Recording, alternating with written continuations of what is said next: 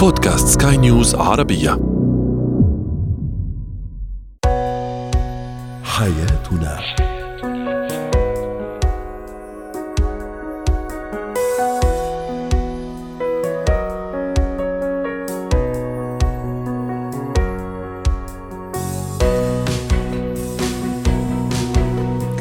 مستمعينا الكرام أهلا بكم معنا إلى حياتنا فضاؤكم اليومي الذي يعنى بشؤون الأسرة وباقي الشؤون الحياتية الأخرى والذي يمكنكم الاستماع إليه عبر منصة سكاي نيوز عربيه dot com slash podcast وباقي منصات سكاي نيوز العربية الأخرى. شاركونا عبر رقم الواتساب 006 971 561 886223 معي أنا امال شابه اليوم نتحدث عن الشريك الذي يلعب دور الضحية دائما كيف نتعامل معه؟ ولماذا يسلك هذا الطريق؟ أنه يلعب دور الضحية صدمة الطفل الناتجة عن وفاة زميله أو صديقه. كيف نتعامل معها؟ وأخيرا كيف تصبح تصبح شخصا مؤثرا بمن حولك؟ هو وهي. قد يصادفنا في حياتنا أشخاص شخص اثنان زميل صديق يلعبون دور الضحية ويجيدون هذا الدور. قد نتجاهل بحكم يعني العلاقة الغير وطيدة. لكن ماذا إذا كان الشخص الذي يلعب دور الضحية هو زوجي أو زوجتي؟ شخص موجود في حياتي بشكل يومي وبشكل دائم. دعونا نتعرف على هذا الموضوع مع أستاذة ليندا حمادة الاستشارية الأسرية ضيفتي العزيزة. أهلا وسهلا أستاذة ليندا.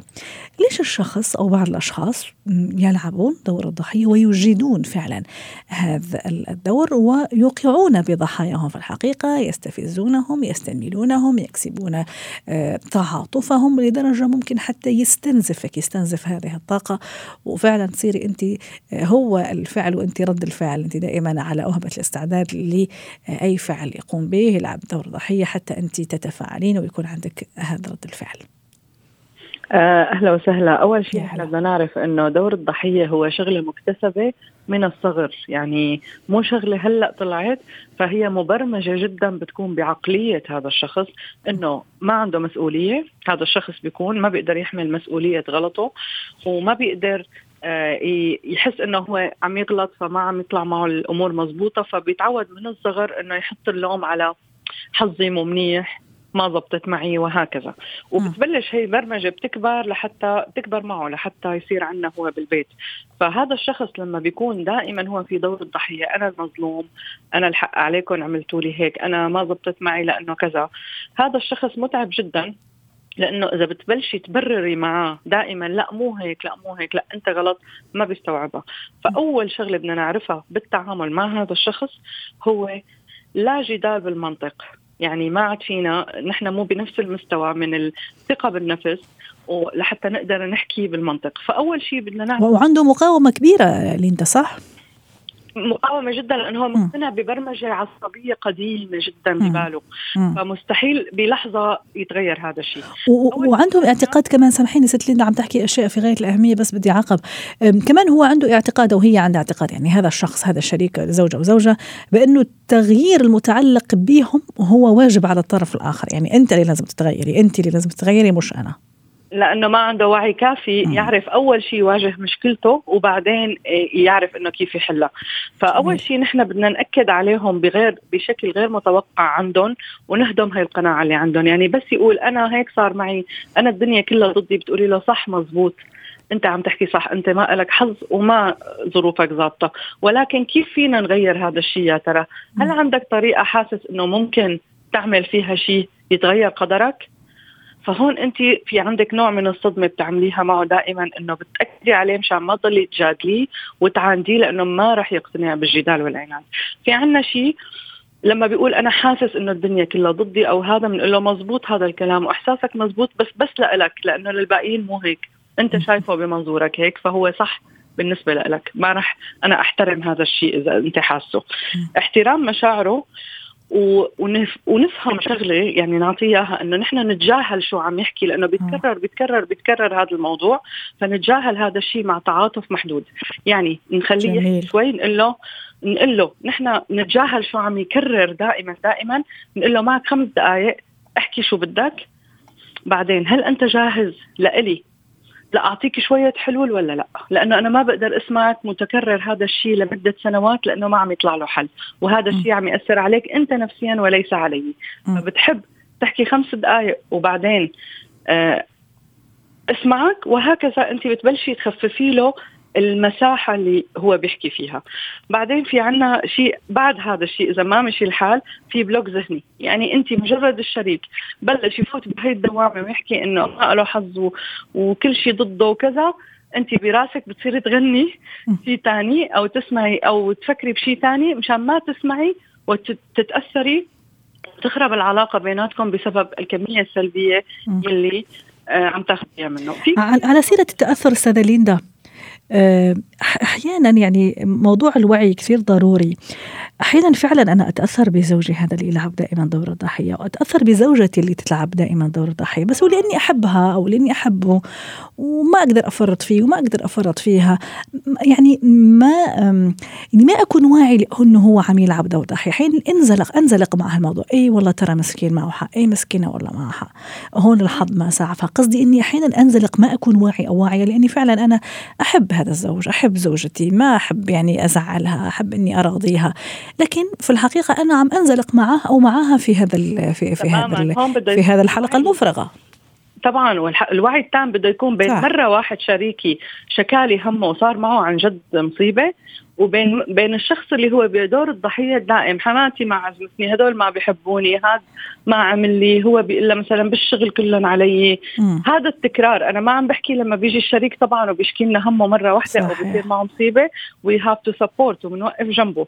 ولكن إذا تكرر بشكل دائما هو دور الضحية والدنيا كلها مؤامرة عليه فعنا استراتيجيات بدنا نمشي فيها لأنه هذا برمجة قديمة جدا. ومنها كثير ممكن نحاول نعدد له الإنجازات والإيجابيات الحظ اللي صارت معه لحتى نضحض نظرية شو حكى هلا. وخاصة إنه هدول الأشخاص بيضلوا يقولوا دائما وعلى طول وكل الوقت ودائما وعلى طول.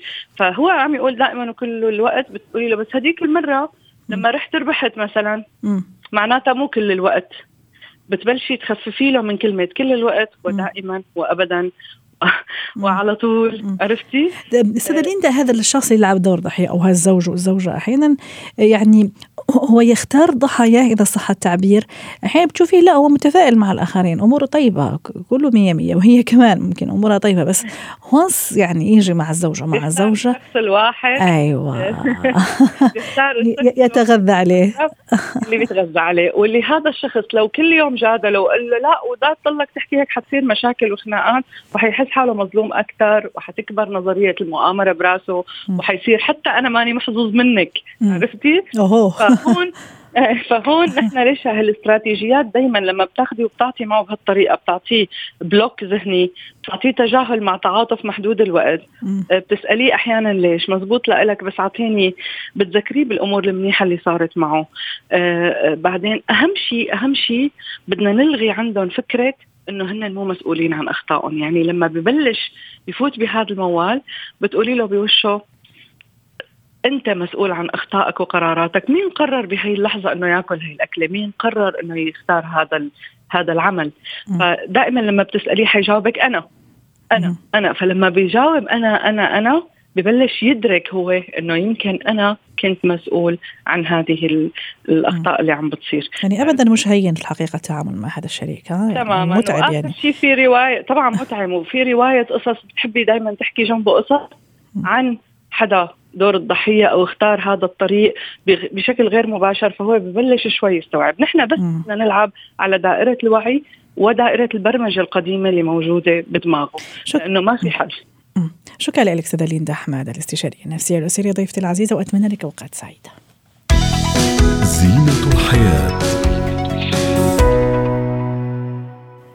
اليوم نتحدث عن صدمة الطفل الناتجة عن وفاة زميله في المدرسة أو صديقه صديقه ابن الجيران يعني صديق مقرب له خلينا نقول ابن عمه ابن عمته يعني المهم صديق له صديق آه، يعني عزيز عليه هو فجأة توفى هذا الصديق أو زميل الدراسة.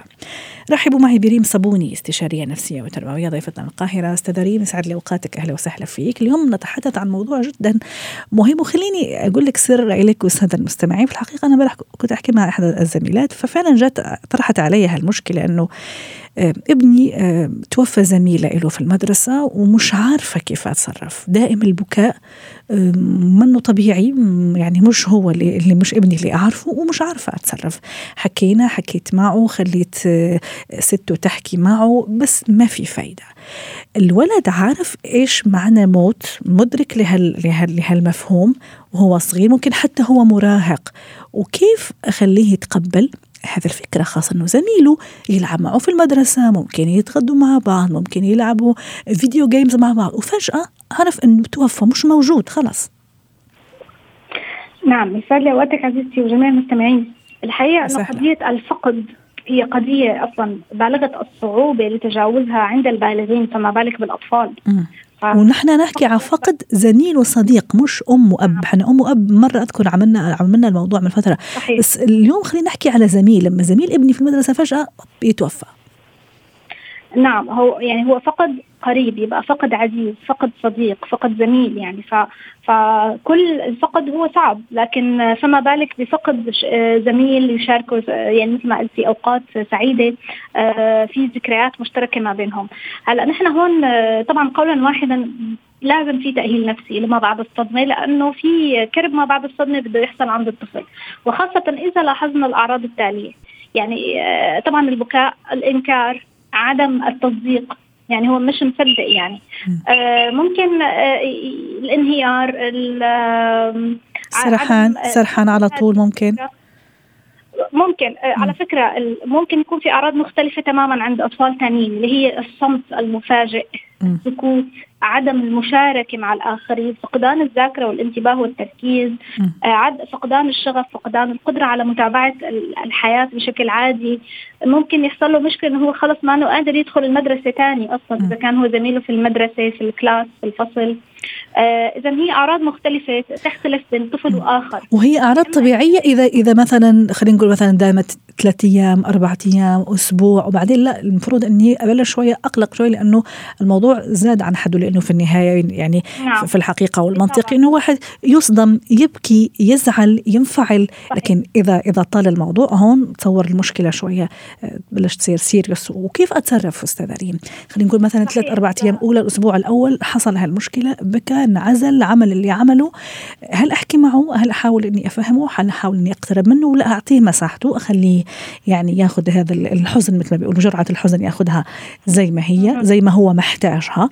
وبعدين أتدخل. كيف تكون الطريقة؟ طيب هو الطبيعي اللي بيحصل إنه فعلا بياخذ الموضوع آه، أقصى حد أسبوع أسبوعين. إذا تجاوز الثلاث أسابيع والأربع أسابيع هون نحن خلص بدنا نشخص اضطراب كرب ما بعد الصدمة. يعني هون نحن بحاجة إلى شخص أخصائي يشخص لي الحالة ويشرح له الأعراض لحتى يساعدني. آه، في المرحلة الأولى لازم يكون في تدخل. يعني كل ما كان التدخل مبكرا كل ما كان أفضل. مش صح إني أترك الطفل عشان تتفاقم الأعراض؟ وفيما بعد أبدأ بتشخيص اضطراب. لا خليني أنا من البداية أتدخل كأم في الأسابيع الأولى ولا بعد نعم. بعد ثلاث أسابيع؟ في الأسابيع الأولى. كيف أتدخل أستاذة ريم أعطيني طريقة. طيب أنا كأم أو بالغ في محيط الطفل يعني مش متخصص قصدي. شو بقدر أعمل؟ آه لازم أفرغ شعور الطفل. يعني لازم الطفل إذا كان صامت وكابت نبدأ آه، نخليه يطلع مشاعره. أنت آه، بماذا تشعر؟ طيب آه، أنا بعرف إنه أنت يعني متألم على فقدان زميلك أو صديقك لكن هذا أمر الله. نحن بتتذكر مثلا إذا كان في قصة فقد بحياته سابقا نذكره حتى لو كان على فكرة حيوان أليف يعني مو مشكلة لأنه هو فقد في الأول في الأخير. بتتذكر إنه كل شيء له نهاية كل شيء له بداية وكل كل شيء له نهاية. آه طيب شو أنت شو ممكن تقدم لصديقك؟ ممكن تدعي له بالمناسبة. آه هو في مكان أفضل. آه، إذا كنت حاسس إنك أنت حابب تعيط أو تبكي يعني ف take your time خذ وقتك. آه، آه، إنه الحزن ياخذ وقته هذا أمر مهم جدا جدا. تفريغ المشاعر في البداية أمر هام جدا للتخطي والتجاوز. فما بيصير إن أنا أترك الطفل واشوفه مثلا صامت ما عم يعبر عن مشاعره فاذا هو it's okay fine يعني هو طب وإذا رفض أستاذ ريم؟ إذا رفض إذا أصر؟ خاصة تعرفي مثلا ممكن في سن مراهقة العناد عنده شوية زيادة والحساسية كمان يعني بتعرفي حساسين أكثر في هال في هالفترة إذا كان مراهق يعني كيف التصرف الأمثل إذا أصر على على عزلته أصر على انعزاله أو ممكن العكس أصر على نعم. أنه يبكي يعني كيف أتصرف؟ طيب هو غالبا الطفل ممكن أو إذا كنا عم نحكي عن مراهق لأنه هو إذا رفض يعني إحنا كأنه عم نحكي هون عن مراهق هو ممكن يكون رافض تدخل البالغ. فالأفضل وسيلة هو الأقران. اني أنا أستضيف زملاء هذا الطفل إذا كانوا في محيط واحد. ونعمل support group يعني نحن نعمل مثل دعم جماعي لزملاء هذا الطفل. حتى إذا هم كانوا في نفس حالة ابني منهارين أيوة. تعبانين مصدومين. مشاركة المشاعر الآخر. مم. اللي واقع بنفس المشكلة حتساعد هذا الطفل إنه يبدأ يفرغ مشاعره. جميل. وسماع إنه هو بنفس ذات الوقت مارر بنفس المشاعر اللي أنا عم مر فيها. حلو. مجرد إحساسي بإنه أنا لست الوحيد الذي يعني حاسس بالفقد متألم موجوع أو أنا ما عم بقدر آه، آه، آه، أتعامل مع هي المشاعر الجديدة اللي عم بختبرها لأول مرة بحياتي. لأنه هو ممكن يكون فعلا هذا حدث أول مرة بيحدث بحياته يعني. جميل. ما حدث سابقا أو لم يحدث على باله أو على في حياتي اطلاقا قصة الفقد. اذا حتى حتى نرجع نلخص مرة أخرى أستاذ ريم. خليه يعبر عن مشاعره يفرغ كل يعني شحنة الغضب الحزن الألم هالأشياء أعطيه وقته لكن أتدخل أكيد. ثم موضوع المشاركة الجماعية في الحزن يعني أصدقائه وزملائه اللي هم كمان متأثرين هذا قد يخفف. في كمان طريقة أخرى تنصحي فيها أستاذ ريم ومتى فعلا أبلش أقلق؟ وأحس أنه لا الوضع شوية خطير ولازم يكون في تدخل بشكل مباشر من قبل المختصين. أعطيني طريقة أو اثنين كمان في التعامل ثم نروح ل يعني الخط الأحمر لازم يعني يتدخل فيه مختص. طيب آه ممكن نحن نبدأ أن نتشارك بالحلول إنه ماذا يمكنني أن أفعل؟ آه البعض بحس إنه أنا عاجز آه, أنا فاقد هذا الإنسان هو مش مسافر هو خلاص لم يعد موجود في حياتي. فنحن ممكن نعمل مثلا صدقة على روحه لأنه هاي الشغلة بتخليه يشعر إنه هو بارتياح إنه هذا الإنسان تستمر أعماله الصالحة حتى بعد وفاته.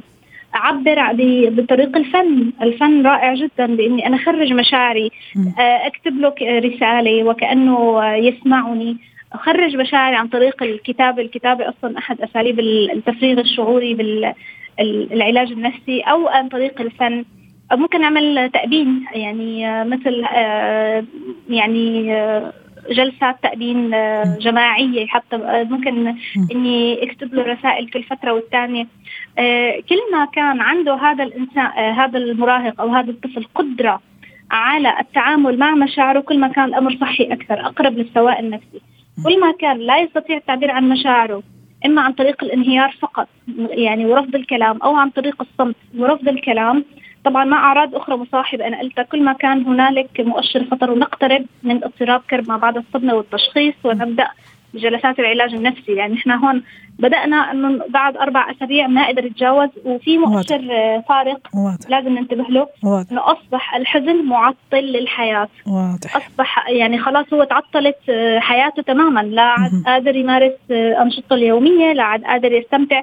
طبعا الشعور الاكتئابي يبدأ بالظهور. آه، يبدأ آه، فقدان التركيز عدم القدرة على ممارسة الأعمال نعم. عدم القدرة على آه، إنجاز المهمات الدراسية أو المهمات حتى اليومية المعتادة يعني. جميل. اذا الموضوع هذا فعلا في غاية الأهمية ولازم دائما طفلي يبقى تحت عيوني يعني أراقبه انفعالاته وتطور هالانفعالات ولازم تدخل يعني مختص إذا تفاقم الموضوع. شكرا لك سداريم صابوني الاستشارية النفسية والتربويه ضيفتي من القاهرة وأتمنى لك اوقات سعيدة.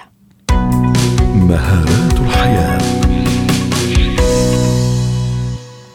اليوم نتحدث عن كيف أصبح شخص مؤثر بمن حولي. رحبوا معي بسلوى عفيفي مدربة مهارات حياة ضيفتي العزيزة من القاهرة. أهلا وسهلا دكتورة سلوى.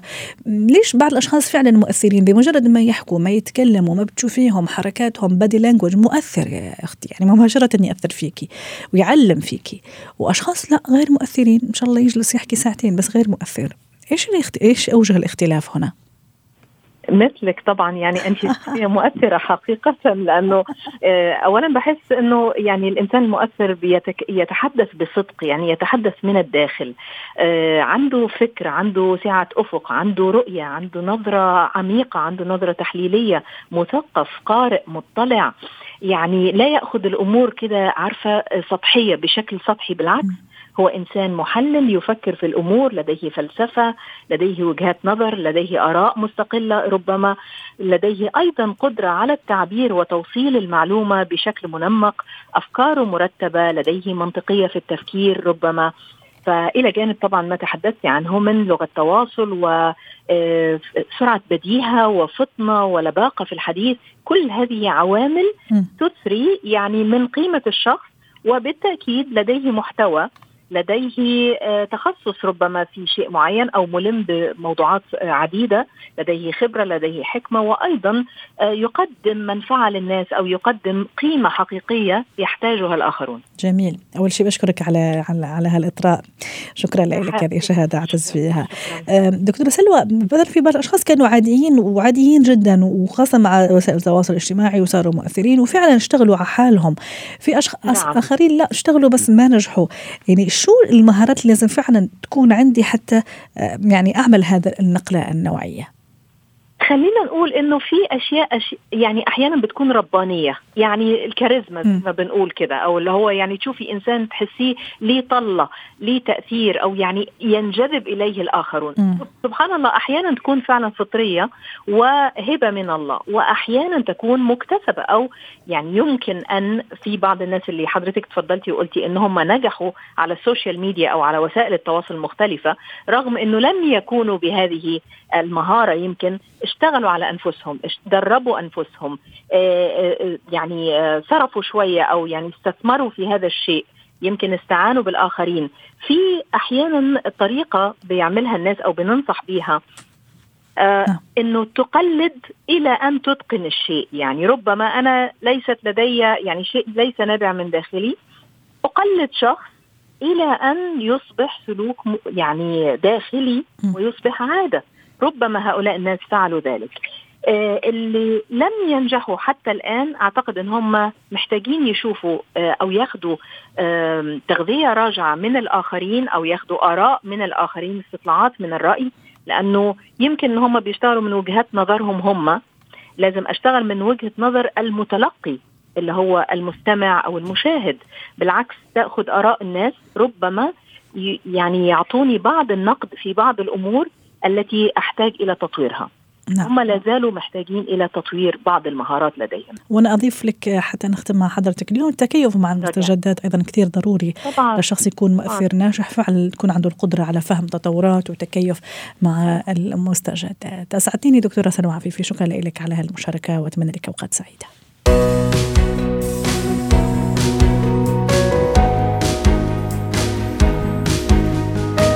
ختام حلقة اليوم من حياتنا. شكرا لكم وإلى اللقاء.